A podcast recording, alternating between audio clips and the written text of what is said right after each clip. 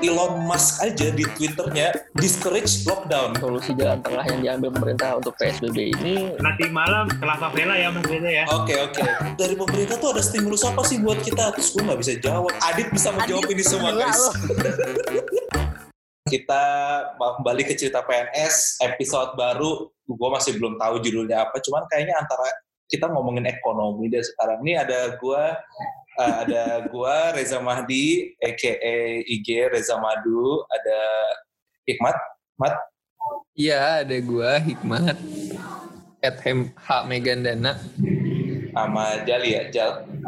Ada Jali at Rizalical. Eh, si ganteng. Nah, kita ada dua dua guest lagi nih.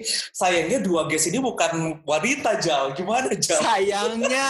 Sayangnya, sayangnya bu. Sayang. Bisa lo. Sayangnya bukan wanita. Biasanya kita guestnya wanita. Gue ada- meetingnya, end meetingnya. Atau ya, jadi kan kita ada tamu nih dua nih. Kita ekonom-ekonom ahli ekonom-ekonom nih. Ada Mas Adit sama Mas Haru. Say hi dong Mas Adit, Mas Haru.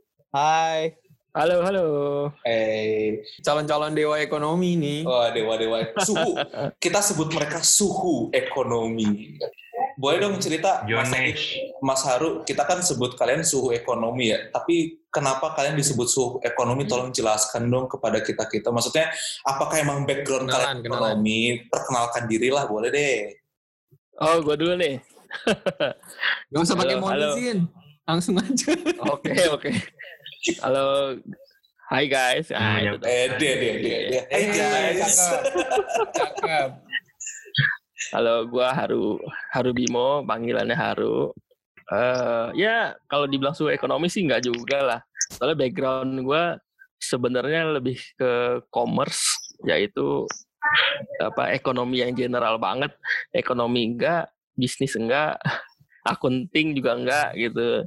Nggak Jadi dulu waktu waktu kuliah diambil semua sih subjeknya yang yang dasar-dasarnya gitu ya. Hmm. Cuma ya karena sering baca berita juga jadi sedikit kurang lebih paham lah sama ekonomi-ekonomi gitu. Setahu saya nih Mas Haru nih S2-nya nih ada yang dari dunia negara sebelah nih, negara bawah down S1 S2 kayaknya. Eh, satu S2 Iya benar. Gue S1 S2 di Monash University Australia. Kebetulan ya S2-nya ngambil finance. Lebih ke corporate finance sih sebetulnya ya. Ah. Ya cuma Hmm. di kerjaan nih kepake juga sih ilmu-ilmunya kok. Tapi kan sebuah negara adalah satu korporasi sendiri sebenarnya Mas Haru. Betul, betul. Bisa dibilang begitu.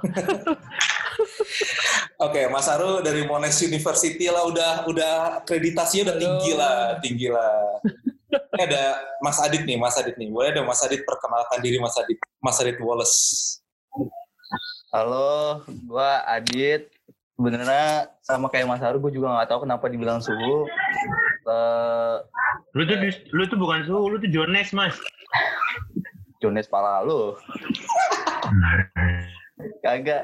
Ya, kita, gue juga bingung. Secara gue ngambil ekonomi aja juga eh, berdasarkan feeling, bukan karena emang gue niat banget. Eh, S1 gue di TB matematika juga terjerumus, bukan karena gue niat banget. S2 gue ekonomi di UI. Cuma ya kalau dari segi pengambilan materi ekonominya lebih ke arah moneter sama finance. Jadi kalau misalkan tadi Mas Haru ngomong corporate finance, ya gue agak-agak paham lah walaupun ya gue nggak sepinter Mas Haru lah kalau dari sisi corporate finance-nya. Gila-gila, ini saling memuji ya. Aduh, tolong puji Jali dong. Saling-saling memuji semua nih. Udah, Dit, itu, itu aja nih perkenalannya. Lu nggak mau ngasih tahu lu Udah, baru nikah cukup. kemarin atau apa gitu. Ah, ngapain? Oke, oke.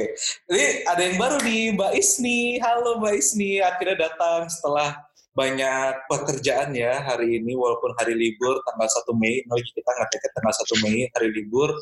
Mbak Isni dari tadi kayak, wah gue masih ngerjain ini nih, masih ngerjain ini nih. Ini sibuknya setengah mati nih Mbak Isni. nih. Mbak Isni, boleh dong perkenalan diri dong Mbak Isni. Satu-satunya wanita di antara laki-laki ini. Astaga. Halo semuanya, Mas Reja, Mas Haru, Adit, Mas Hikmat, Mimin dan Jali. Halo. Eh, kenalin, nama saya Isni. Ini apa sih pendidikan ya?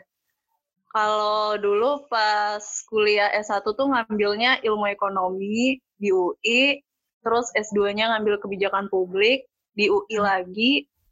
Alasan kenapa ngambil karena penasaran terus aja sih sama ekonomi gitu.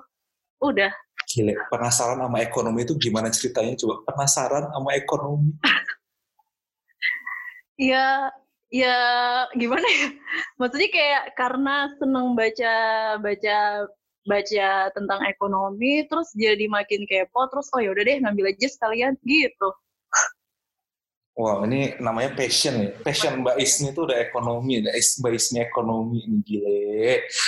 Ya, jadi alhamdulillah nih jadi semua orang uh, kita teman-teman berkumpul. Ini kita semua work from home semua, kita uh, online um, membuat podcast ini. Nah, sebenarnya latar belakang pembuatan episode ini sebenarnya podcast ini tuh sebenarnya dampak COVID nih terhadap ekonomi. Nah kemarin kan kita sempat ngobrol sama dokter-dokter kan, kalau mereka tuh bilang, wah gila nih mendingan Indonesia lockdown aja deh karena uh, soalnya banyak pasien-pasien yang terus meningkat dan uh, ya gejala COVID kan emang sangat gampang mudah menyebar. Sekarang aja udah 9.711 kasus nih COVID yang uh, yang yang terkena itu pun dua hari yang lalu kalau nggak salah makin bertambah. Nah, cuman di satu pihak kita juga ngelihat bahwa COVID itu kita nggak bisa sembarangan lockdown gitu. Kita juga harus mikirin ekonomi-ekonomi orang-orang yang uh, middle low income lah. Mereka harus berjualan, mereka nggak punya tabungan. Tiap hari mereka tuh pendapatannya adalah uh, daily basis gitu. Uh, ya apakah mereka ojol kah atau mereka pedagang kah bahkan banyak teman-teman yang uh, fotografer wedding itu pada di cancel semua. Uh, banyaklah perusahaan-perusahaan juga yang bangkrut. Dan ini juga cuma tidak terjadi di Indonesia. Di USA juga sekarang udah mulai banyak demonstrasi nih gara-gara orang-orangnya udah pada nggak mau diminta lockdown nih. Nah, cerita PNS penasaran, pengen tahu nih kalau dari sudut pandang uh, ekonom suhu-suhu ekonomi itu sebenarnya kayak gimana sih? Siapa nih yang mau mulai duluan nih?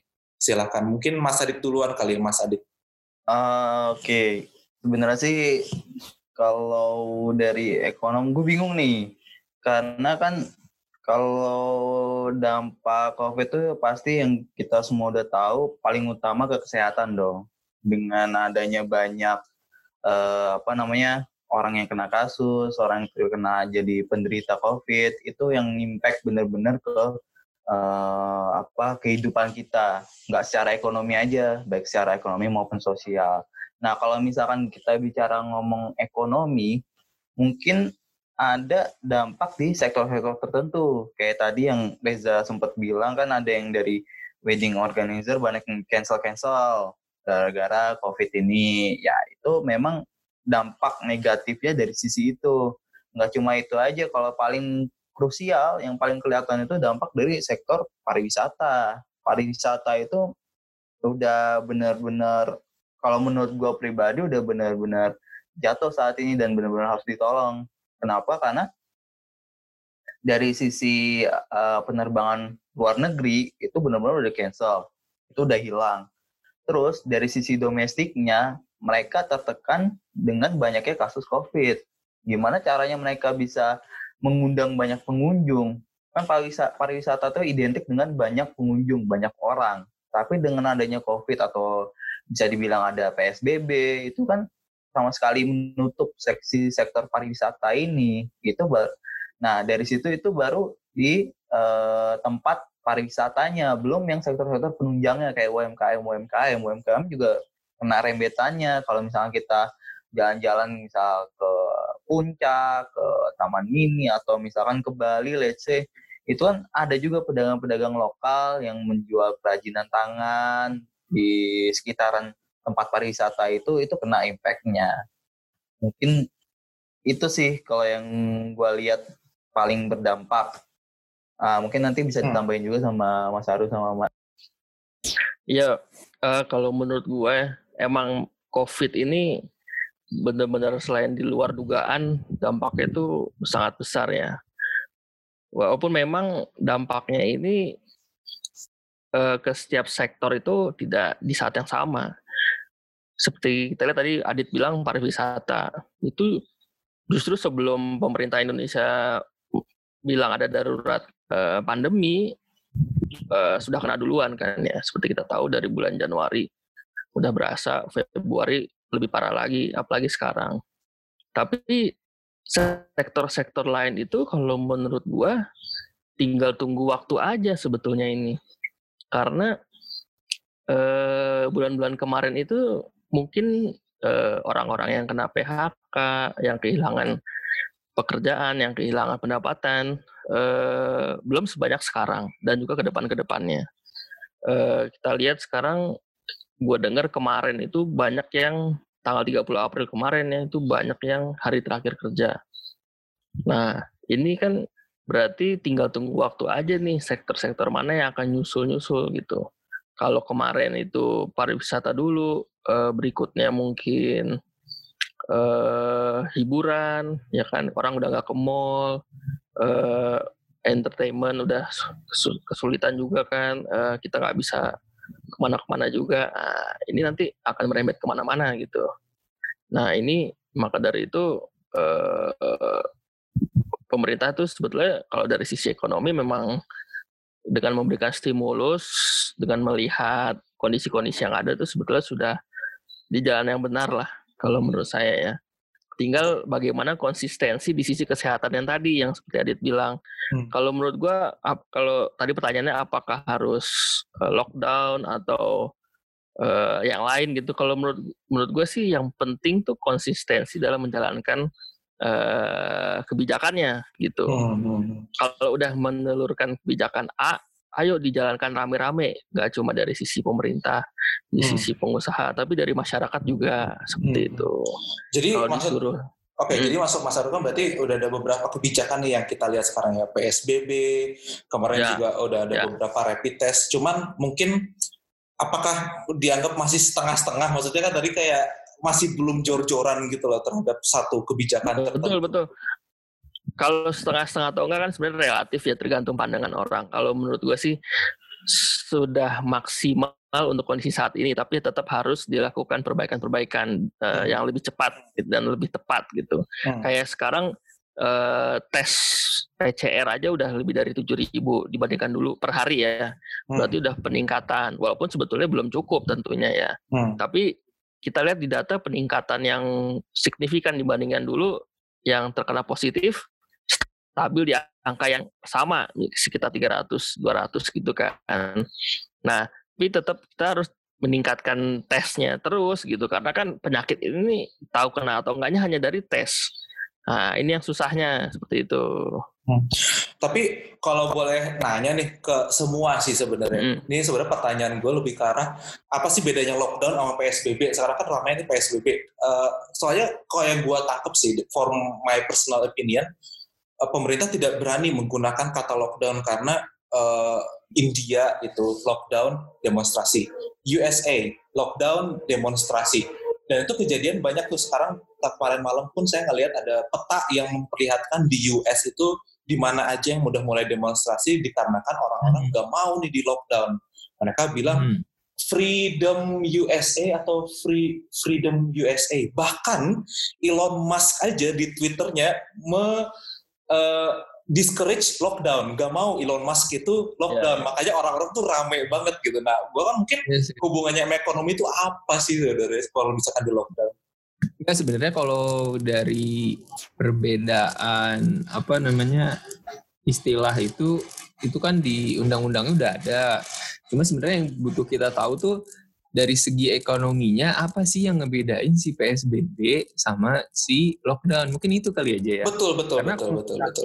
Dari segi istilah itu udah ada nih, gue coba bacain aja ya. Bedanya kalau lockdown itu nggak boleh ada keluar masuk di wilayah tersebut. Tapi kalau pembatasan kegiatan boleh keluar masuk tapi dengan aturan.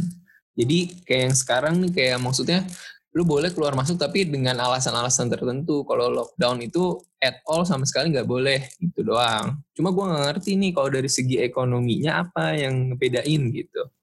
Gue coba bantu jawab deh ya. Iya mas. Iya. Ya sebenarnya emang jadi ini masalahnya dilematis banget ya kalau kita lockdown total.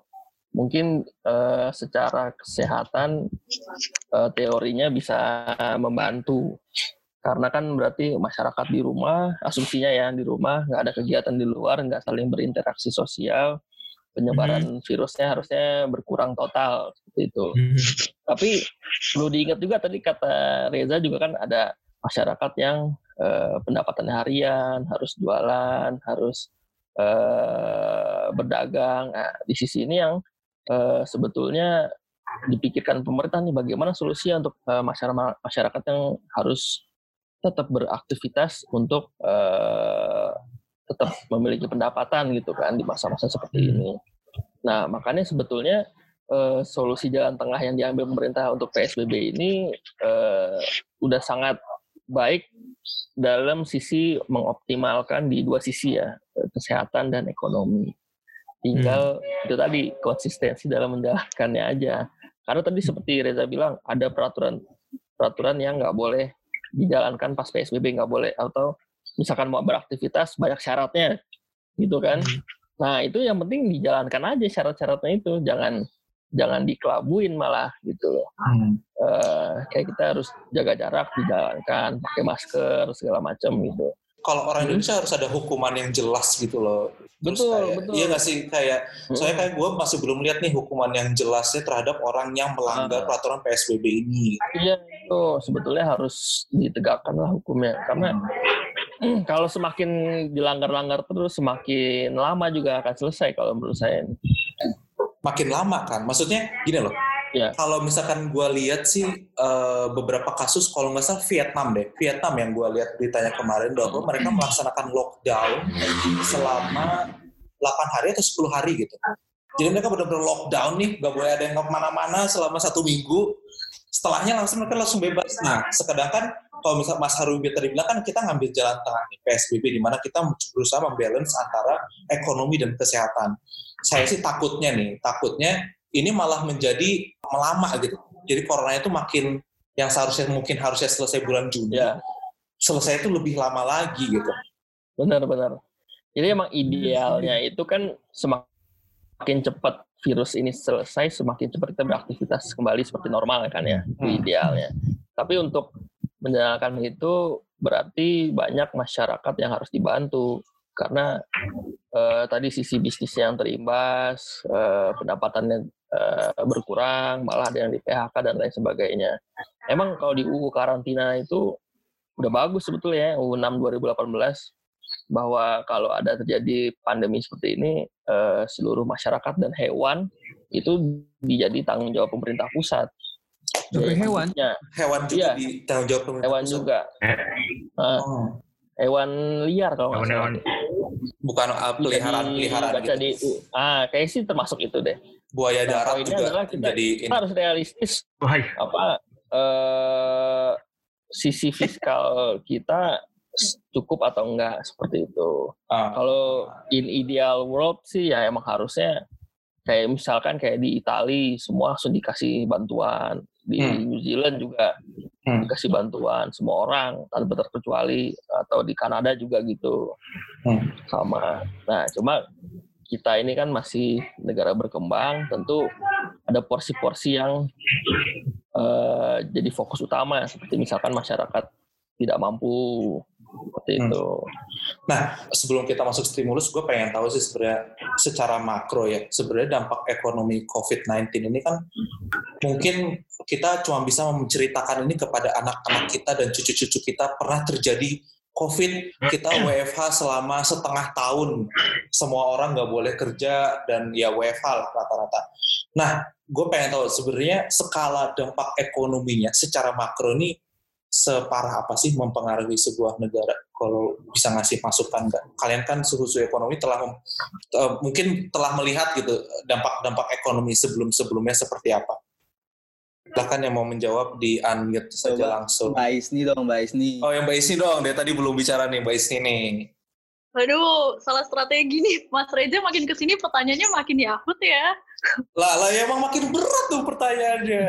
Harus gitu. Masa makin lama makin santai? Enggak dong. Ini biar klimaksnya nanti kli- ada klimaksnya. Kalau misalkan eh, ditanya sejauh atau gimana menggambarkan dampaknya itu ke skalanya negara, mungkin bisa dilihat dari ini ya, apa namanya, kita ngomonginnya berarti kalau negara tuh bisa dilihat indikatornya output ke PDB-nya. Kalau kemarin kan udah diinfo juga tuh dari proyeksinya beberapa lembaga internasional termasuk IMF juga bahwa PDB kita tuh dan termasuk negara-negara lain juga mungkin nanti Mas Haru sama Adit lebih apal uh, rinciannya itu diproyeksi uh, bakalan turun gitu termasuk kita Indonesia. Kalau dampaknya secara negara sih seperti itu tapi kalau misalkan ngomongin kayak yang tadi sektoral itu ya lumayan ya maksudnya kelihatannya terutama kan apalagi kalau misalkan kita ini uh, dilihat dari segi ke pelaku usahanya itu 97 persen 97 sampai 98 persen itu kan dia pelaku usahanya skala mikro, kecil, menengah. Which is sebagian besar tuh dominasinya informal. Informal yang berarti dia nggak terlindungi.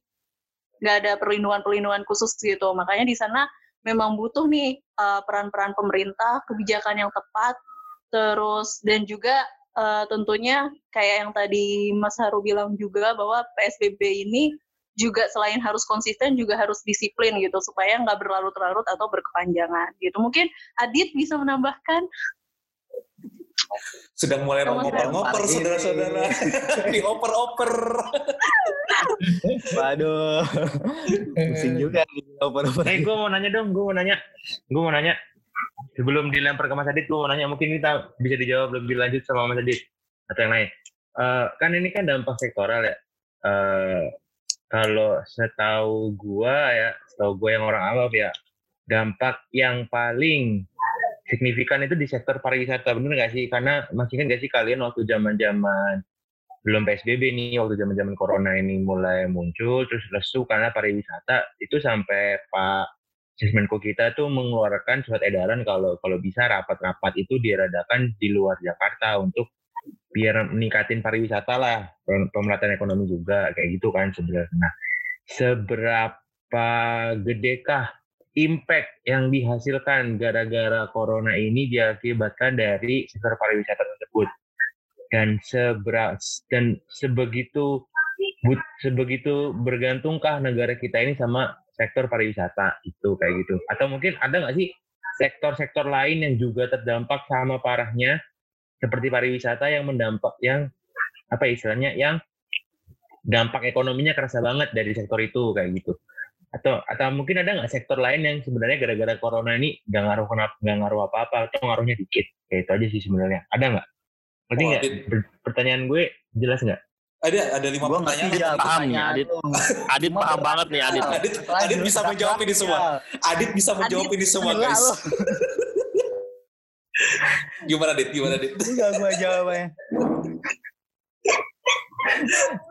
Pokoknya gue ngasih gambaran aja ya nih. Jadi eh, kalau misalkan mungkin yang tadi sambungan dari Mbak Isni dulu, kalau impact ekonominya COVID tuh memang besar. Kalau misalkan tadi disebut juga dari PDB, iya eh, sebagai salah satu indikator. Karena kita lihat sendiri dari eh, laporannya IMF yang di World Economic Outlook itu banyak negara tuh dipres- diproyeksikan punya PDB yang eh gro- punya pertumbuhan PDB yang negatif di 2020 ini.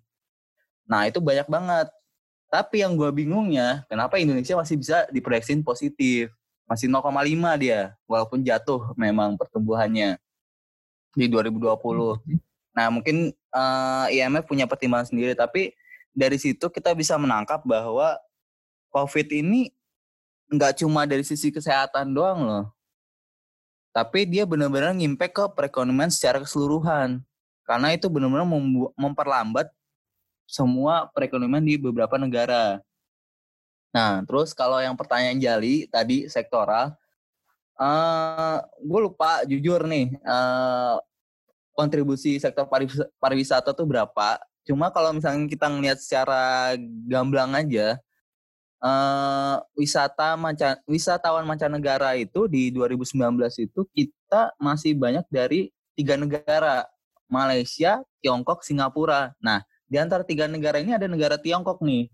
sekarang kita bisa bayangin Tiongkok yang begitu banyaknya penyebaran corona itu udah nggak mungkin bisa diandalkan sebagai penyumbang devisa di sektor pariwisata. Nah, bayangin aja sekitar 12 sampai 13 persen share dari sektor pariwisata itu hilang gara-gara Tiongkok doang. Itu baru yang Tiongkok, Tiongkok doang.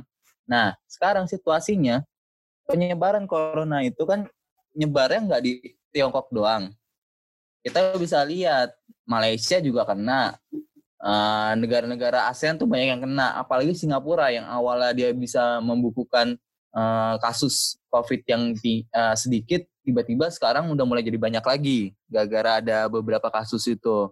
Nah, yang hal kayak gini, jadi kenapa sektor pariwisata tuh sangat gede impact-nya Karena wisatawan-wisatawan wisatawan-wisatawan potensial itu nggak cuma dari Tiongkok dan wisatawan potensial yang di luar Tiongkok ini punya penyumbang besar juga ke kita kalau misalkan kita bayangin nih, wisatawannya aja nggak datang nih, orangnya nggak datang, gimana sektor pariwisatanya bisa berkembang?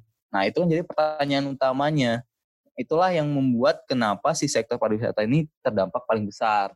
Kalau sektor-sektor lainnya ya ada aja sih, kayak misalnya contoh sektor perdagangan internasional, ekspor impor. Kalau ekspor impor, kita mau ngekspor ke negara, uh, misalkan negara Amerika, tapi proses ekspornya terhambat gara-gara apa? Gara-gara di negara bersangkutan dia punya uh, kebijakan tertentu yang membatasi sehingga impor untuk barang-barang tertentu dibatasi karena adanya pandemi corona. Nah, itu kan kehambat juga. Sama kalau kita misalkan impor. Impor kita banyak dari Cina. Nah, misalkan Cina aja dari ekonomi domestiknya turun jatuh kinerja manufakturnya jatuh semua gimana kita mau impor kalau barangnya aja nggak ada supply-nya di Cina nah itu impactnya di sektor perdagangan kalau sektor lainnya mungkin bisa ditambahkan sama Mas Haru oh ya udah lanjutin aja deh ya benar itu yang dia kata Adit semua eh, yang pertama kan emang pariwisata ya makanya kita waktu sebelum ada pengumuman pandemi dari pemerintah juga sektor pariwisata tuh udah duluan yang diberikan stimulus ya. Walaupun jadi kritisi tajam juga di kalangan media sosial. Tapi perlu dilihat konteksnya karena memang setelah uh, turis dari Tiongkok itu nggak ke Indonesia lagi karena ada larangan terbang di sana.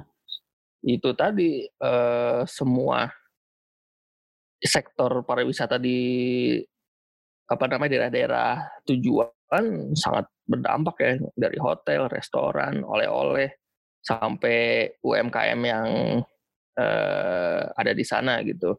Makanya di pemerintah ngasih uh, kebijakan insentif duluan ke sektor pariwisata. Tapi emang uh, waktu itu kan konteksnya uh, kita belum mendeteksi ada COVID di Indonesia ya makanya sempat ada insentif uh, harus tadi uh, liburan ke daerah-daerah tertentu yang 10 tempat itu atau uh, turis-turis asing diberi insentif. Ya, memang kalau konteksnya pada saat itu cocok, tapi karena sekarang sudah menyebar ke mana-mana, akhirnya kan pemerintah juga uh, menunda kebijakan itu gitu. Yang terpenting adalah bagaimana mereka itu diberi bantuan supaya uh, tetap berjalan uh, ekonominya. Nah, saat ini kan karena dari sisi pariwisata udah nggak bisa ditolong, tentunya harus di shifting uh, skillingnya gitu. Makanya ada kartu prakerja supaya uh, tadi pekerja-pekerja di sektor pariwisata bisa menambah skillnya, jadi bisa uh, bekerja atau berusaha di sektor-sektor lain gitu salah satu tujuannya kan itu. Nah kalau di sektor lain tadi Jali ada pertanyaan, ada apa sih ada yang eh, nggak uh, terdampak gitu? Ya, kalau saat ini emang ada kayak pharmaceutical obat-obatan itu kan justru booming karena banyak orang beli vitamin, beli suplemen, beli masker, beli hand sanitizer. Nah itu booming sekali. Sama satu lagi eh, makanan minuman yang online itu kan juga pasti orang masih mencari ya karena uh, kebutuhan primer. Satu lagi uh, jasa logistik yang antar-antar barang. Uh, saat ini malah mungkin overload karena orang pada belanja online perlu peng, jasa pengiriman kan ya. Nah, Tapi namun demikian tadi seperti yang gue udah pernah bilang, ini tinggal tunggu waktu aja nih. Kalau misalkan berlangsung lama, nggak menutup kemungkinan sektor-sektor yang jadi winner tadi itu bisa terdampak juga. Karena kalau berlangsung lama, masyarakat yang memiliki kemampuan untuk membeli bisa berkurang juga kan, nggak seperti kemarin-kemarin itu. Makanya itu dia di sektor di sisi kesehatan tuh harus tetap difokuskan juga supaya stimulus-stimulus ekonomi yang diberikan nanti dan ke depannya bisa efektif berjalan. Kira-kira segitu. Nah, tapi sebelum kita masuk ke apa stimulus ekonomi apa aja yang diberikan pemerintah, berarti kan tadi Mas Haru sempat bilang kalau kalau misalkan nih kita mau shifting uh, apa uh, perusahaan kita yang tadinya misalkan gue punya perusahaan wedding organizer terus kayak nggak bisa ngapa-ngapain, terus sekarang banyak bikin makanan deh yang bisa online online atau jasa logistik karena sesungguhnya nggak semua orang bisa masak gitu ya Mas Haru ya. Ya itu tadi nggak uh, semua kan bisa pindah pindah sektor dengan mudah ya pasti ada uh, kalau di ekonomi itu barriers to entry karena kan uh, setiap sektor punya kekhususan sendiri gitu. Nah ini tadi uh, maka dari itu yang tidak bisa pindah secara mudah itu yang butuh bantuan dari pemerintah sebetulnya. Karena mereka sangat terdampak. Nggak cuma pengusaha pekerjanya juga. Nah kayak kira-kira gitu. Hmm. Nggak, tadi sih sebenarnya gue tuh ada pertanyaan kan lu kan mau ngarah ke stimulus ya. Terus tapi tadi udah terjawab juga sama Mas Bro Haru nih soal kebijakan pariwisata itu itu kan juga memang dihajar habis tuh sama ekonom dan juga di sosmed. Orang-orang mah lockdown kita malah insentif pariwisata kira-kira gitu kan? Oh itu ya. yang ini ya yang tiket pesawat lebih murah itu ya? Ya ya, ya waktu sempat tiket pesawat lebih murah pada bulan Februari itu ya? Hmm. Ya, di saat negara lain ada yang udah lockdown, kita malah kayak gitu kan itu lucu tuh emang sih jujur aja nih harus off the record nih. Kita kan terlalu agak meremehkan tuh di awal-awal ya. Oh iya. Yes. Dari Menkes saja cengengesan, terus ada menteri-menteri lain juga yang meremehkan lah. Itu jujur aja kan meremehkan. Gak usah Jadi, off the record, udah saya sebutkan di episode sebelum-sebelumnya. Ya. oh ya udah, karena cengengesan gitu kan kita di sisi ekonomi kan ya udah yakinlah kita mau bantu yang terdampak apa pun itu caranya gitu kan. Nah, karena yang terdampak itu pariwisata, solusinya yang diberikan adalah tadi insentif supaya negara selain Tiongkok ayo datang itu kan pikirnya gitu kan terus eh, masyarakat Indonesia ayo liburan ke sana gitu nah karena kan hmm. tadi kita nggak tahu di Indonesia udah ada atau belum yang kedua kita mikir negara selain Tiongkok tuh aman atau masih sedikit lah paling nggak nah padahal penyakit ini kan belum terdeteksi bisa aja udah ada gitu. Hmm. Nah makanya dengan konteks kayak gitu dibuatlah kebijakan yang tadi. Cuma bagusnya pemerintah langsung sadar pas bulan Maret kita umumin eh, darurat ini langsung kan ditunda itu sebetulnya kebijakannya yang hmm. insentif untuk turis asing sama insentif untuk eh, turis domestik. Tapi yang lain tetap jalan kayak pembebasan PPH 21 sektor pariwisata itu kan juga membantu kan uh, hmm. pekerjanya. Terus uh, pajak restoran sama hotel di 10 daerah itu, nah gue nggak tahu nih, Za, lu kan di hmm. Bali nih, harusnya tuh kalau aturan yang kemarin kalau masih dijalanin, lu bayar makan restoran tuh nggak bayar PPH bayar pajak restoran. Oke, okay, pertama gue belum pernah okay. ke restoran satu satupun restoran di Bali dikarenakan okay. saya berusaha untuk masak sendiri di rumah dan GoFood. Nah, nah gue ngeles Jadi, nih, gue ngeles nih. Misalkan, nah itu kita tuh sebenarnya sebagai ASN kita bisa ngecek nih di jalan ini oh, di okay, daerah okay. yang. Oke okay, oke, okay. nanti nanti itu. nanti nanti malam nah, saya akan makan malam di restoran. Siap siap siap. Ya, terus Mas Reza, nanti malam ke Lava Vela ya Mas Reza ya. Oke okay, oke. Okay. Eh Lava Vela tutup bos nggak bisa uh, udah udah, nah, tutup, udah tutup. Makanya kalau sekarang mungkin udah banyak yang udah banyak. Oh lu tahu Lava Vela tutup? Gua gua lewat men. Jadi sempat jadi kemarin kan uh, sempat gua jalan-jalan jalan-jalan lah gue belanja pakai mobil terus gue jalan-jalan keliling Bali nih termasuk gue lewatin nih Lava Vela daerah-daerah Legian daerah-daerah Kute yeah. semua klub tutup cuma ada beberapa yang buka itu pun udah bener-bener mereka pakai wah diskon-diskon dan lain-lain agar mereka mau belanja. Cuman gak ada orang men, gak ada orang sama ya, sekali gitu. Begitulah kalau apa, apa sih lagi nih? Jadi ada kemarin gue sempat kemarin tuh jalan-jalan eh, ngeliatin salah satu proyeknya istri gue di daerah Uluwatu lah pokoknya. Eh, apesnya dia, dia tuh launching eh, hotelnya dia atau guest house-nya dia itu pada bulan Maret. Pada saat ini baru Waduh. mulai. Jadi dia launching nggak ada tamu nih, udah satu bulan dia nggak ada tamu, terus dia kayak, aduh nih gue nggak ada tamu nih, gimana dong gue baru buka cuma nggak ada tamu. Ya udah kalian aja nginep di sini gratis ya, udah gue akhirnya nginep di sana gratis. kayak gitu gitulah, cuman ya kerasa. Lu mau pamer, Ja?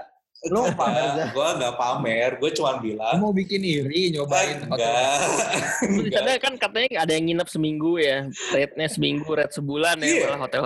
Iya ya, red, red seminggu. I, apa kalau nggak salah Swiss Bell ya, yang mereka nawarin ke bule-bule itu satu bulan mereka bisa bayar cuma 3 juta untuk satu kamar doang. Marriott juga pak Marriott juga, ya di sini juga banyak dari banget 2 yang juta kayak tiga ratus ribu men itu Ayo, juga buat guys. bulan September lagi gitu. Ayo guys, kita nginep di hotel guys. Jakarta Surabaya Yogyakarta wah banyak banget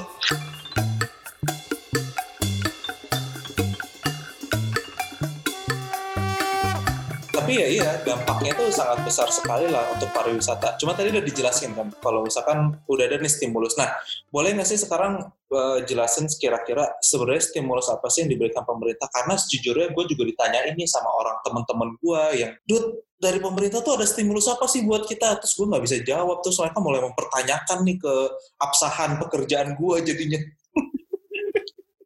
Nah Tolong iya, iya dong. bener Tol- tolong dong. Jadi kalau misalkan ada yang nanya, gue bisa ngejawab gitu jadinya. Tolong bantuin saya dong cari jawaban.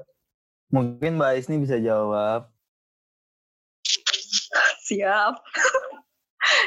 Kalau eh, sebelumnya mungkin mau ngebacain dikit aja apa yang lagi dibikin ya. Jadi kalau misalkan tadi sebelumnya Adit, Mas Haru dan teman-teman bahas yang dampak ke sektor pariwisata, itu dia memang terparah. Kayak rata-rata tuh dia kena an- bukan anjlok sih, turunnya itu sekitar 70%. Sedangkan oh, kalau buat sektor lain tuh cuma 22%. 70 persen, Nah, Ya, kalau pariwisata terkait pariwisata, restoran dan lain. Oke. Dan dan Indonesia itu bergantung banget sama pariwisata ya Mbak Isni ya. Harus unmute. Oh, lagi di telepon. Oke, Lagi- lagi di telepon. Lagi di telepon, lagi di telepon. Lagi di telepon sibuk, ya. Jadi sibuk. harus dijawab oleh Mas Haru atau Mas Adit nih kayaknya nih jadinya nih. Mas Haru ahli banget ngejawab Dari ini. kalau misalkan hotel atau restoran itu cuma 70%, sebenarnya gue kaget. Gue kira bisa sampai 90% gitu.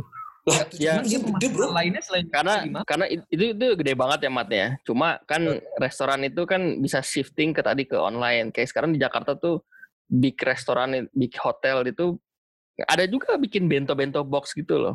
Jual-jualin Oh, di GoFood juga juga. bikin bento. Ada kayak di Shangri-La, itu gue udah lihat tuh di IG di hotel Oke, Shangri-La, hotel Kempinski. Karena kan mereka punya skill ke sananya, jadi bisa jualan yang Hmm. lebih murah lah untuk menu Ah. berbuka puasa gitu. Nah tapi Hmm. emang secara keseluruhan jatuh banget sih itu terutama Hmm. kayak di penginapannya, di eh, apa sek- sektor-sektor tambahannya di hotel itulah gitu kan. Kadang hotel juga promo ke bus, bus lancar lah, promo ke tur-tur ke mana itu kan juga masuk dari sana tuh biasanya. Hmm. Nah, iya, itu iya. itu kena dampak banget gitu Oke. kalau di sisi itu. Kalau dia kalau nggak salah pariwisata tuh nomor dua bukan sih sektor apa penyumbang di Indonesia. Gimana dit? Gue aja lupa. Kalau kalau kalau kalian nggak ngerti, kita apa lagi? Nomor dua serius. Dia sektor penyumbang dan tahun eh, di RPJMN yang tahun depan tahun ini mau dijadiin nomor satu gitu.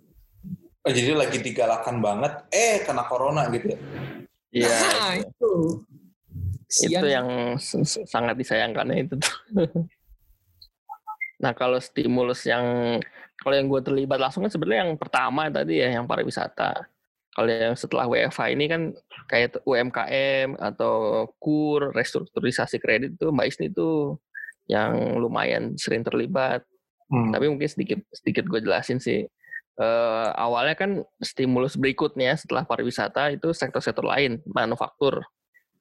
Contoh perusahaan yang mau eh, ekspor itu kan ka- butuh bahan baku dari impor dulu kan.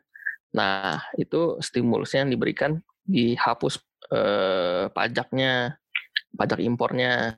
Hmm. Eh, asal barang jadinya itu akan diekspor itu itu juga ada nah dengan harapan mereka eh, bisa tetap berproduksi sehingga karyawannya tuh nggak di PHK gitu nah terus berikutnya ada juga pajak pajak eh, penghasilan dari bisnis itu juga kan eh, dihapuskan untuk sektor-sektor tertentu Nah, ma- semakin ke sini tuh semakin banyak sektor-sektornya yang diberi pembebasan gitu. Eh, supaya tadi eh, diharapkan tidak kolaps eh, dan tidak mem-PHK eh, karyawan-karyawannya. Nah, yang dampak langsung ke masyarakat sih sebetulnya yang eh, restru kredit. Nah, coba bayangin deh, di saat kayak gini pendapatan berkurang tapi eh, cicilan kan jalan gitu kan wah pasti buat masyarakat tuh eh, sangat terbebani kan ya nah maka dari itu pemerintah bersama dengan OJK kan em, membuat kebijakan restrukturisasi kredit eh, supaya eh, di saat-saat Kredit itu gimana sih Har? ya Kemarin katanya jadi contoh ada apa minimalnya berapa satu m berapa? kalau kalau nggak salah yang bukan minimal maksimal itu di bawah 10 m itu bisa diberi pembebasan terus eh, ada syarat-syarat tertentu lagi kayak misalkan sebelumnya eh, kualitas kreditnya masih satu atau dua nah itu maksudnya lancar atau dua itu ya di bawahnya lancar lah. Nah itu Hmm. masih bisa diberikan gitu. Nah dengan harapan kalau udah diberikan eh, di saat pendapatan lagi berkurang ada apa sih namanya eh, sisa lebih lah untuk buat kehidupan sehari-hari itu kan sangat berdampak ya. Nah di satu sisi kalau dikasih restru di sisi bank juga bagus. Jadi kredit-kredit yang tidak terbayarkan itu karena ada restru eh, jadi tidak berkualitas jelek gitu. Hmm. Itu tadi. Jadi kalau misalnya kita mau aplikasi ini, misalkan kemarin tuh teman gue lagi pusing banget karena dia lagi kredit rumah nih, itu berarti ada Mm. Kita sih coba simplified deh. Jadi dia bisa Ya. mendapatkan keringanan dengan pembayaran kredit. Kalau kalau KPR itu setahu gua itu masih pembahasan si teknisnya ya. Hmm. Re- kalau dari Pak Presiden sendiri pernah ngomong, setahu gue juga yang gue pernah dengar akan diberikan, tapi secara teknis itu sepertinya masih akan di- eh, dibahas. Hmm. Tapi kalau yang udah goal itu UMKM Hmm. sama kur, yang sisi kur. Hmm. Hmm. Nah, itu malah kalau kur itu eh, nanti Mbak Isni mungkin bisa tambahin eh, yang saat ini yang gue tahu nggak cuma diberi pembebasan, tapi nanti pemerintah akan memberikan subsidi bunga ke Oh subsidi ke- bunga untuk Mm, yang untuk yang KPR yang ya. terdampak. Yang Ke, terdampak. bukan kur. Oh, kok untuk yang kur, sorry sorry. Ah, kur. Kur sama Jadi- UMKM kan udah udah final nih sekarang nih. Hmm. Hmm. Teknis segala teknisnya tuh udah ada lah sampai Hmm. ke masyarakat. Sama juga yang multi finance yang untuk eh, kendaraan bermotor itu juga udah fix. Hmm. Hmm. Sama juga maksudnya fix tuh udah ada peraturannya, udah Sudah ada dijalankan peraturan itu juga, kan.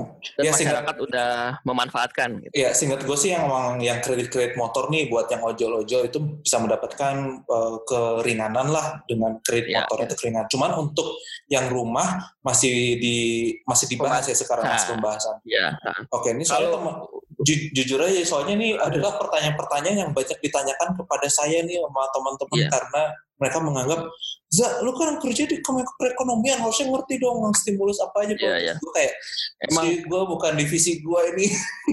Iya iya. Emang kan tiap kayak tiap negara kan ngasih stimulus macam-macam ya. Nah kalau di Indonesia Hmm. ini kan di sisi eh, bantuan tadi salah satu restrukturisasi kredit. Hmm. Emang udah seharusnya sih kalau di masa-masa krisis apalagi yang pandemi ini eh, harus diberi bantuan lah masyarakat karena Hmm. kalau nggak diberi bantuan ya nggak akan bisa bayar juga karena kan mereka pasti kehilangan pekerjaan gitu. Oke. Jadi harus dicari win-win solution gitu. Hmm. Gampangnya itu artinya kalau misalkan nih gue lagi nyicil mobil, misalkan cicilan per bulannya 10 juta karena ada potongan bunga, jadi jadi 9 juta atau 8 juta gitu. Itu bisa tergantung case by case kalau yang gue lihat ya. Ada yang benar-benar libur, mat Oh. selama misalkan setahun benar-benar nggak bayar. Tapi ada juga yang eh, bayar berapa persen seperti itu. Ada yang bayar pokoknya aja. Nah nanti bank itu akan melihat case by case biasanya. Eh, apa yang dilihat eh, itu tadi seberapa parah dampak eh, pandemi COVID ini ke mereka gitu. Hmm. Contoh misalkan ojol berkurang banyak, nah itu kemungkinan besar bisa aja libur betul, libur full gitu. Tapi itu tadi tergantung nanti eh, penilaian dari masing-masing bank atau eh, lembaga keuangan non bank. Gitu. Oke, bentar sedikit lagi. Gue kan awam ya, maksudnya. Tapi kan kalau misalkan ini barang tuh kan istilahnya harusnya udah ada planningnya. Misalkan dia apa namanya nggak dibayarkan, harusnya kan itu efeknya berantai tuh. Nah sebenarnya siapa sih yang nanggung beban dari uang yang harusnya dibayarkan itu? Nah kalau di kalau kita bicara kur dulu ya, kur tadi kan ada pemerintah tuh udah berkomitmen untuk memberikan subsidi bunga untuk eh, kriteria tertentu. Nah artinya apa? Artinya tuh yang menanggung resiko dari penundaan bayar kredit ini nggak cuma dari sisi bank, tapi pemerintah juga ikut bantu seperti itu. Tapi dalam membantu perbankan itu kan tidak cuma hanya tidak cuma dengan memberikan subsidi, eh, mat itu bisa dengan cara-cara lain kayak eh, BI sudah memberikan bantuan likuiditas tambahan dengan mengurangi GWM. Nah, teknisnya tuh mungkin Adit bisa jelasin tuh nanti. Jadi intinya eh, di saat-saat seperti ini tuh dibutuhkan sinergi yang bagus antara semua pihak, pemerintah, BI, OJK, dan juga masyarakat supaya eh, masalah ini cepat terselesaikan gitu. Nah, kalau masyarakat, yang gue perhatiin masyarakat harus ngapain, Mas Ari? Eh, itu tadi eh, misalkan ada peraturan Rumah PSBB aja. dijalankan Oh, ikutin Ya, gitu. gitu. Biar nggak makin juga- lama ya coronanya gitu. Bener. Hmm. Heeh. Nah kalau di sekarang di sisi yang kayak pemerintah BI OJK tuh sinerginya udah sangat bagus. Kalau kalau lu perhatiin deh, eh, s- setiap minggu tuh sering mereka melakukan update-update ekonomi BI, eh, Kemenq, eh, kita juga ya. Hmm. Jadi itu masyarakat terinfo dengan jelas apa sih kondisi saat ini, perbaikan-perbaikan apa yang ada, eh, bantuan-bantuan apa yang udah diberikan gitu. Itu bisa dilihat dari mana sih Mas Ari kalau misalkan ada teman-teman yang ngedengerin terus kayak, ah, gue belum pernah tuh ngeliatin apa st- stimulus-stimulus kebijakan pemerintahnya Ya. bisa dilihat dari mana sih? Oh, kalau yang paling sering itu media sosial sih ya. Eh, di setiap institusi kan punya media sosial masing-masing. Oke, Contoh BI itu setiap mau ada eh, perekonomian terkini, mereka selalu eh, upload di eh, media sosialnya. Instagram? IG, Instagram mereka ada ya? Ya ada eh, di IG, di Twitter, di Facebook. Oke. Bahkan di setiap media sosial itu mereka melakukan live. Nggak Iya, cuma iya, di iya. YouTube. Iya, iya. Ah, di Instagram juga ada. Nah, ayo masyarakat follow-follow semua institusi supaya terinfokan dengan baik. Iya. Hmm. Eh follow follow. Tapi Follow jujur nih ya, gue juga follow follow si institusi-institusi itu. Tapi mereka pakai bahasanya bahasa dewa gitu. Ada nggak sih Iya, misalkan sosial media Ya. yang pakai bahasanya bahasa Indonesia gitu, yang apa yang bisa kita langsung ngerti gitu. Tek Kayak kayak podcast kita inilah. dua satu, gue kan nggak tahu. Iya. Kayak podcast kita inilah, kita kan berusaha menggunakan bahasa-bahasa manusia ya, yang bahasa Indonesia Benar, lah, yang baik dan benar gitu. Ada nggak sih sosmed yang bisa ngasih info membahasakan si apa kebijakan-kebijakan stimulus itu jadi lebih mudah gitu? Instagram cerita PNS. Ya salah satunya cerita PNS ini emang sudah mem- mencoba memberikan infografis, infografis yang memudahkan ya. Nah itu bagus tuh bisa dilanjutkan supaya masyarakat tuh terinfo gitu. Tapi emang kalau beberapa institusi terutama dari media ada beberapa yang juga mencoba memberikan infografis. Cuma mungkin eh, belum banyak ya. Nah itu nanti coba deh kalau ketemu bisa eh, saya share atau Adit share gitu nanti. Adit kali ada info, Dit. Wah. Eh mau nanya dong. Jangan tidur, Dit. Mau nanya. Mau nanya dong, apa mau nanya. Nanya apa, Jal? Kalau yang kemarin itu yang dari Menko itu ada apa namanya? Uh,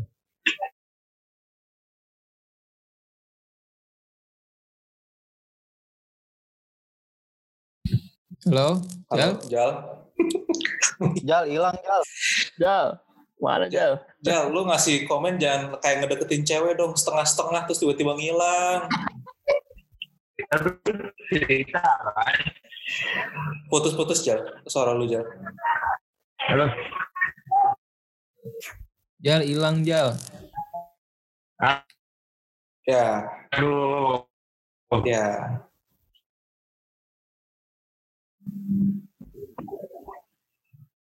Atau mungkin Adit coba jelasin dulu kali Adit yang tadi dimaksud sama Mas Haru apa nanti mungkin Jali bisa menambahkan di akhir-akhir atau di chat. Oh, mungkin gini sih gue cuma nambahin dikit aja karena sebagian besar udah, udah dijelasin sama Mas Haru juga. Eh, kalau kita bicara dari perspektif pemerintah, sebenarnya dalam pandemi corona ini pemerintah berusaha untuk melakukan balancing. Balancing apa? Balancing dari sisi sektor masyarakat, dari sektor dunia usaha, itu harus ada di balancing di kedua-duanya. Jadi misalkan tadi kalau misalkan yang dijelasin Mas Haru kan lebih ke arah kur ya, pembiayaan dan sebagainya. Nah ini pemerintah baru mengedepankan dari sisi likuiditas. Dalam artian ini loh, oke pemerintah masuk, kita jagain likuiditas perbankan. Sehingga perbankan mau nggak mau atau diminta untuk bisa memberikan keringanan ke nasabah-nasabahnya. Itu dari sisi perbankan. Nah, apa yang telah dilakukan pemerintah sampai saat ini itu sebenarnya masih ngejagain supaya semuanya dari dampak eh, pandemi ini itu masih berpusat di sektor realnya, sektor dunia usahanya. Jangan sampai dunia usaha atau sektor real kenapa-napa parah dulu nih. Nah, si sektor perbankan ini baru dikasih kayak second layer doang, belum yang eh, jor-joran semuanya. Karena harapan dari pemerintah adalah biar bagaimanapun jangan sampai rembetan resiko-resikonya atau dampak negatifnya itu sampai ke sistem keuangan. Karena kalau udah sampai ke sistem keuangan, itu agak ribet jatuhnya. Nah, makanya tadi kan kalau misalnya kita lihat dari stimulus-stimulus yang udah dikasih tahu, ada stimulus yang insentif pariwisata, ada stimulus yang untuk eh, apa perumahan, walaupun masih rencana, terus kur, itu buat usaha semua kan sebenarnya.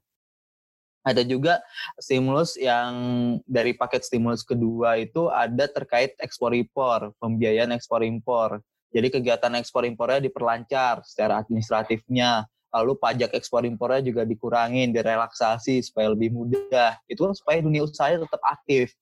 Ada juga selain ekspor impor, yang paling ditekanin sama pemerintah itu dari sisi daya beli masyarakat.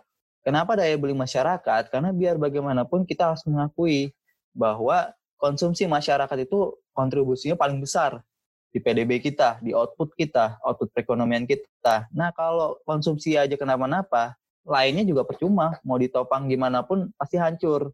Gitu.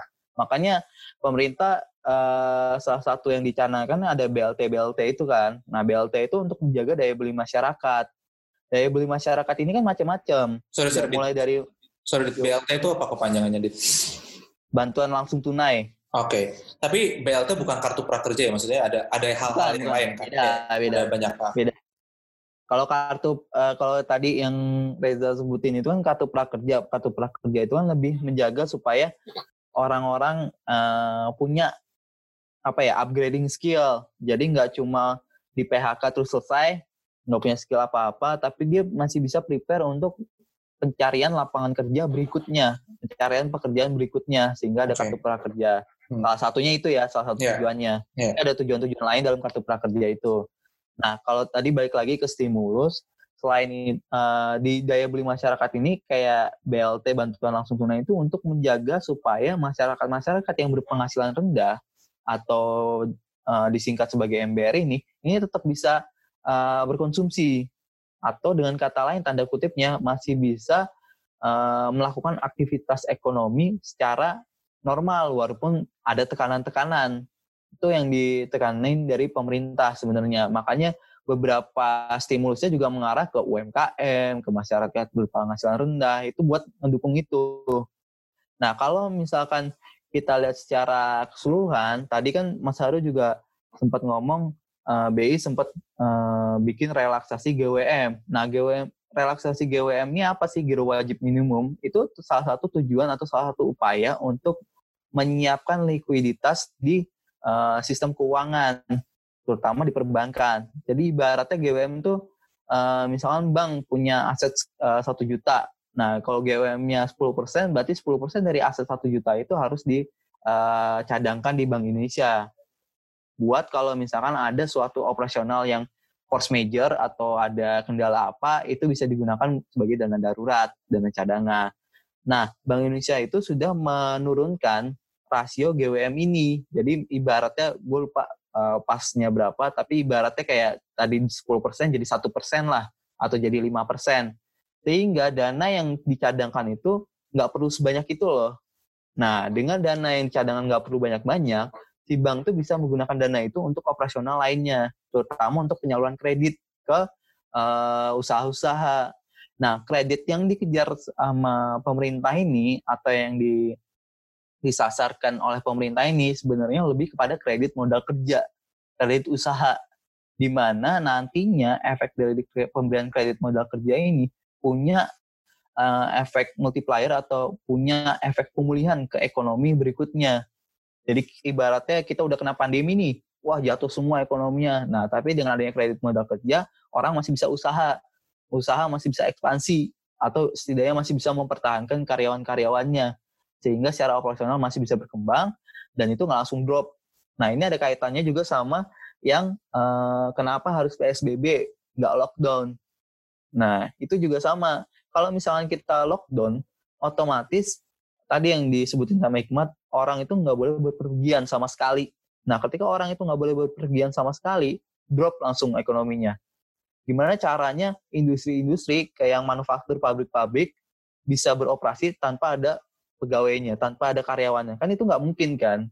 Makanya dibuat PSBB dengan beberapa persyaratan atau pembatasan tertentu supaya operasional di dunia usaha itu tetap bisa berlangsung sehingga ekonomi Indonesia itu nggak yang langsung drop jatuh banget. Tentunya pemberian PSBB ini kan juga dengan mempertimbangkan jumlah kasus corona yang ada di kita. Kalau misalnya corona yang makin tinggi juga, ya gue nggak bisa menjamin nanti gimana uh, ke depannya apakah masih PSBB atau udah lockdown itu juga gue nggak tahu. Tapi untuk saat ini pemerintah masih menilai bahwa PSBB itu udah cukup selama masyarakat tadi yang dibilang sama Mas Haru konsisten. Oke, dia menaati peraturan yang ada di PSBB. Jadi dunia usaha itu bisa tetap berlangsung, tetap bisa uh, berkembang walaupun masih ada pandemi COVID ini. Cuma di satu sisi kita juga tidak bisa memungkiri, bukan berarti dengan stimulus-stimulus yang sudah diberikan pemerintah, dunia usaha bisa survive, masyarakat bisa survive. Enggak. Karena itu juga tergantung dari bagaimana mereka mempergunakan atau memanfaatkan stimulus tersebut. Gitu. Pemerintah nggak bisa turun tangan atau ikut andil sampai ke teknis operasional. Itu nggak bisa. Kayak ibaratnya tadi yang gue bilang kan uh, terkait kredit modal kerja. Oke, kita hanya bisa mendorong bank untuk ngasih kredit modal kerja dengan bunga ren, bunga rendah atau bunga enteng lah ke dunia usaha. Udah. Nah, sekarang balik ke dunia usahanya. Setelah dia dapat itu, dia mau ngapain? Gitu. Itu juga harus jadi pertimbangan dunia usaha. Jadi nggak cuma pemerintah, nggak bisa ini semua tuh jalan di pemerintah doang. Dunia usaha juga harus bisa bergerak. Ketika mereka dapat stimulus fiskal A, stimulus fiskal B, stimulus lainnya. Nah, ini gimana cara menggunakannya, memanfaatkannya, gitu. Itu balik ke dunia usaha masing-masing lah ya, hmm, strategi masing-masing. Itu nggak bisa intervensi pemerintah ter terlalu dalam di hmm. situ. Kan nggak mungkin dong. Hmm. Ibaratnya, oh udah dikasih KM, uh, udah dikasih kredit modal kerja untuk sektor industri tertentu, oh ya udah dia kita selamatin lagi kasih yang lain-lainnya. Oh hmm. supaya bisa survive. Nggak bisa gitu dong. Kita iya, harus lihat secara keseluruhan juga kan. harus mandiri lah kalau udah sampai situ lah udah harus ya, bisa berpikir sendiri.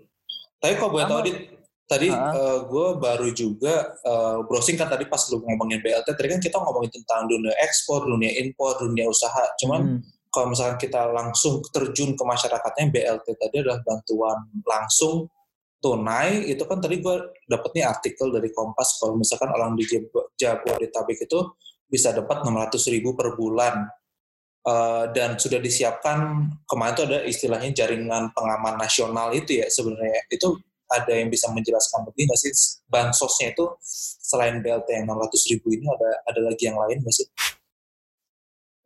Sebenarnya kalau uh, ngejelasin secara detail mungkin gua kurang bisa ya, tapi kalau Hmm. gua kasih gambaran aja. Hmm. Jadi kalau dari yang Perpu kemarin yang peraturan pengubah undang-undang itu sebenarnya pemerintah sudah mencanangkan uh, pengalokasian anggaran untuk penanganan pandemi corona ini yang 405 triliun itu. 405 triliun. Ya, dari alokasi 405 triliun itu ada salah satunya yang disebut sebagai alokasi jaring pengaman nasional, Hmm. eh, pengaman sosial yang tadi lu bilang itu. Ya, ya. Nah, di situ memang salah satu bentuk konkretnya itu melalui bantuan langsung tunai. Tapi nggak Hmm. cuma itu aja. Nanti ke depannya pemerintah sedang eh, apa ibaratnya merumuskan kebijakannya apa lagi nih sebenarnya yang relate atau yang impact besar untuk menangani cor- corona ini selain si bantuan langsung tunai ini. Oke. Nah, untuk Jadi saat ini Mhm. ya untuk saat ini si bantuan langsung tunai ini memang eh, lagi apa ya ibaratnya disegerakan terlebih dahulu lah Oke. karena tadi yang gue bilang itu sangat membutuhkan adanya cash Tes. karena mereka harus konsum cash cash uang cash Oh, uang cash. Oke, oke. Heeh. selain uang cash mereka juga butuh eh, apa namanya kebutuhan-kebutuhan pokok untuk eh, sehari-hari nah Ya. ini kan yang lebih lebih krusial kan gimana Ya. caranya orang mau produktif kerja gimana caranya orang mau tetap beraktivitas kalau mereka nggak bisa konsumsi aja udah susah Oke. ini yang diperhatikan di BLT itu Jadi selain BLT, ada lagi alokasinya oh ada lagi yang selain yang, jadi kan ada BLT 600 ribu untuk memastikan kebutuhan pokok masing-masing individual lah. Tapi ada lagi yang lain. Atau pemerintah juga merencanakan yang lain lagi gitu kan berarti? Iya, sebenarnya pemerintah juga merencanakan yang lain yang lain lagi tuh ada. Jadi ibaratnya nih rinciannya gua kasih gambaran singkat aja. Jadi dari 405 triliun itu 75 triliunnya itu untuk insentif di bidang kesehatan. Hmm. Semua insentif terkait misalkan tenaga medis, terus yang apa pe- biaya rapid test, rapid Ya. test itu itu masuk ke situ semua tuh Hmm. di sisi itu. Nah, terus yang kedua ada 110 triliun untuk social safety net yang tadi yang lu bilang Ya, ya, oke. dari Itu banyak dong. sosial. Be- Besar nah, itu sekali dong. Itu. banyak, betul. Nah, makanya aturan ini tuh sebenarnya untuk eh, ngasih payung hukum Hmm. bahwa ini loh alokasinya segini segini segini. Hmm, Jadi hmm. pemerintah melalui aturan ini kayak seperti menjamin bahwa anggarannya ada loh untuk ini gitu. Hmm. Nanti ke, eh, apa namanya perumusan kebijakan secara teknisnya itu yang lagi dibahas secara mendalam, secara berkala gitu. Makanya tadi muncul yang kayak ada kur, ada itu. Nah, itu ada juga. Nah, selain dua alokasi dua alokasi tadi itu masih ada juga namanya alokasi untuk dukungan industri itu sebesar 70 triliun. Nah, Hmm. ini alokasi 70 triliun itu apa sih contohnya tadi yang gue bilang kayak stimulus kur. Kur itu masuk ke situ dukungan industri. Terus Hmm. kalau misalkan eh, tadi sempat dengar ada relaksasi pajak restoran. Hmm. Nah, Masuknya ke itu situ. ke situ Oke. ke situ gitu nanti baru dari sisa tiga itu ada satu alokasi lagi yang cukup besar sekitar 150 triliun Nah, ini untuk dukungan uh, recovery-nya gue lupa nama utamanya apa tapi oh ini program pemulihan ekonomi nasional Hmm. jadi ibaratnya kalau yang tiga stimulus tadi itu kan untuk menanganinya untuk meminimalisasi uh, si dampak coronanya ini coronanya gimana Ya. Cuma luar itu pemerintah juga sudah mengalokasikan sekitar 150 triliun untuk gimana caranya ekonomi bisa bangkit lagi ke Hmm. depannya Hmm, hmm, gitu dari sisi itu. Mungkin kalau dari gue sih baru bisa jelasin secara generalnya aja, belum bisa yang teknisnya karena teknisnya juga macam-macam. Kayak tadi ada yang belum fix, ada yang masih dipertimbangkan dengan berbagai faktornya. Itu sih. Nah, se- nah sebenarnya kan Mas Ari juga ini bilang nih bahwa yang bahasan kita ini sebenarnya udah di, banyak diposting nih di sosial media gitu di internet. Cuman entah kenapa nih banyak teman-teman gue juga yang yang mungkin kurang aware lah dengan eh, apa dengan informasi-informasi yang kita punya ini. Bahkan padahal sebenarnya udah ada nih di in- Instagramnya Kemenkeu udah ada, Instagramnya Ekon juga kayaknya udah ada nih beberapa yang tentang eh, alokasi dana uh, untuk menangani COVID. Uh, jadi sekalian aja buat teman-teman yang ngedengerin podcastnya juga langsung cek aja ke IG masing-masing kalau misalkan mereka perlu nanya nih apa yang telah pemerintah lakukan untuk menangani COVID ini sebenarnya udah ada nih beratus-ratus pekerjaan yang telah dilaksanakan. Walaupun mungkin kata Mas Haru tadi ada yang harus konsisten, pemerintah harus konsisten, masyarakat harus konsisten dan uh, ya kita jalanin terus aja ya dan mudah-mudahan COVID ini bisa cepat selesai agar dampak ekonomi tidak makin berkembang. Nah ini sebenarnya terusan dari episode 11 di mana kalau misalkan dokter tuh pada bilang lu stay at home uh, biar dokter bisa bekerja lebih mudah dan masyarakat bisa uh, lebih cepat selesai corona dan ekonomi juga uh, bisa cepat pulih lagi just stay at home. Stay tuned for scenes from our next episode. Kira-kira nih berapa lama ekonomi Indonesia itu bisa balik? Kali pertanyaannya buat Pak Presiden. Jadi nggak bisa kencan sampai akhir tahun 2020 nih. Semua bergantung dari tengah tahun ini. Tarik sama yang pertama soal uh, mau cetak uang. Terus yang kedua soal harga minyak.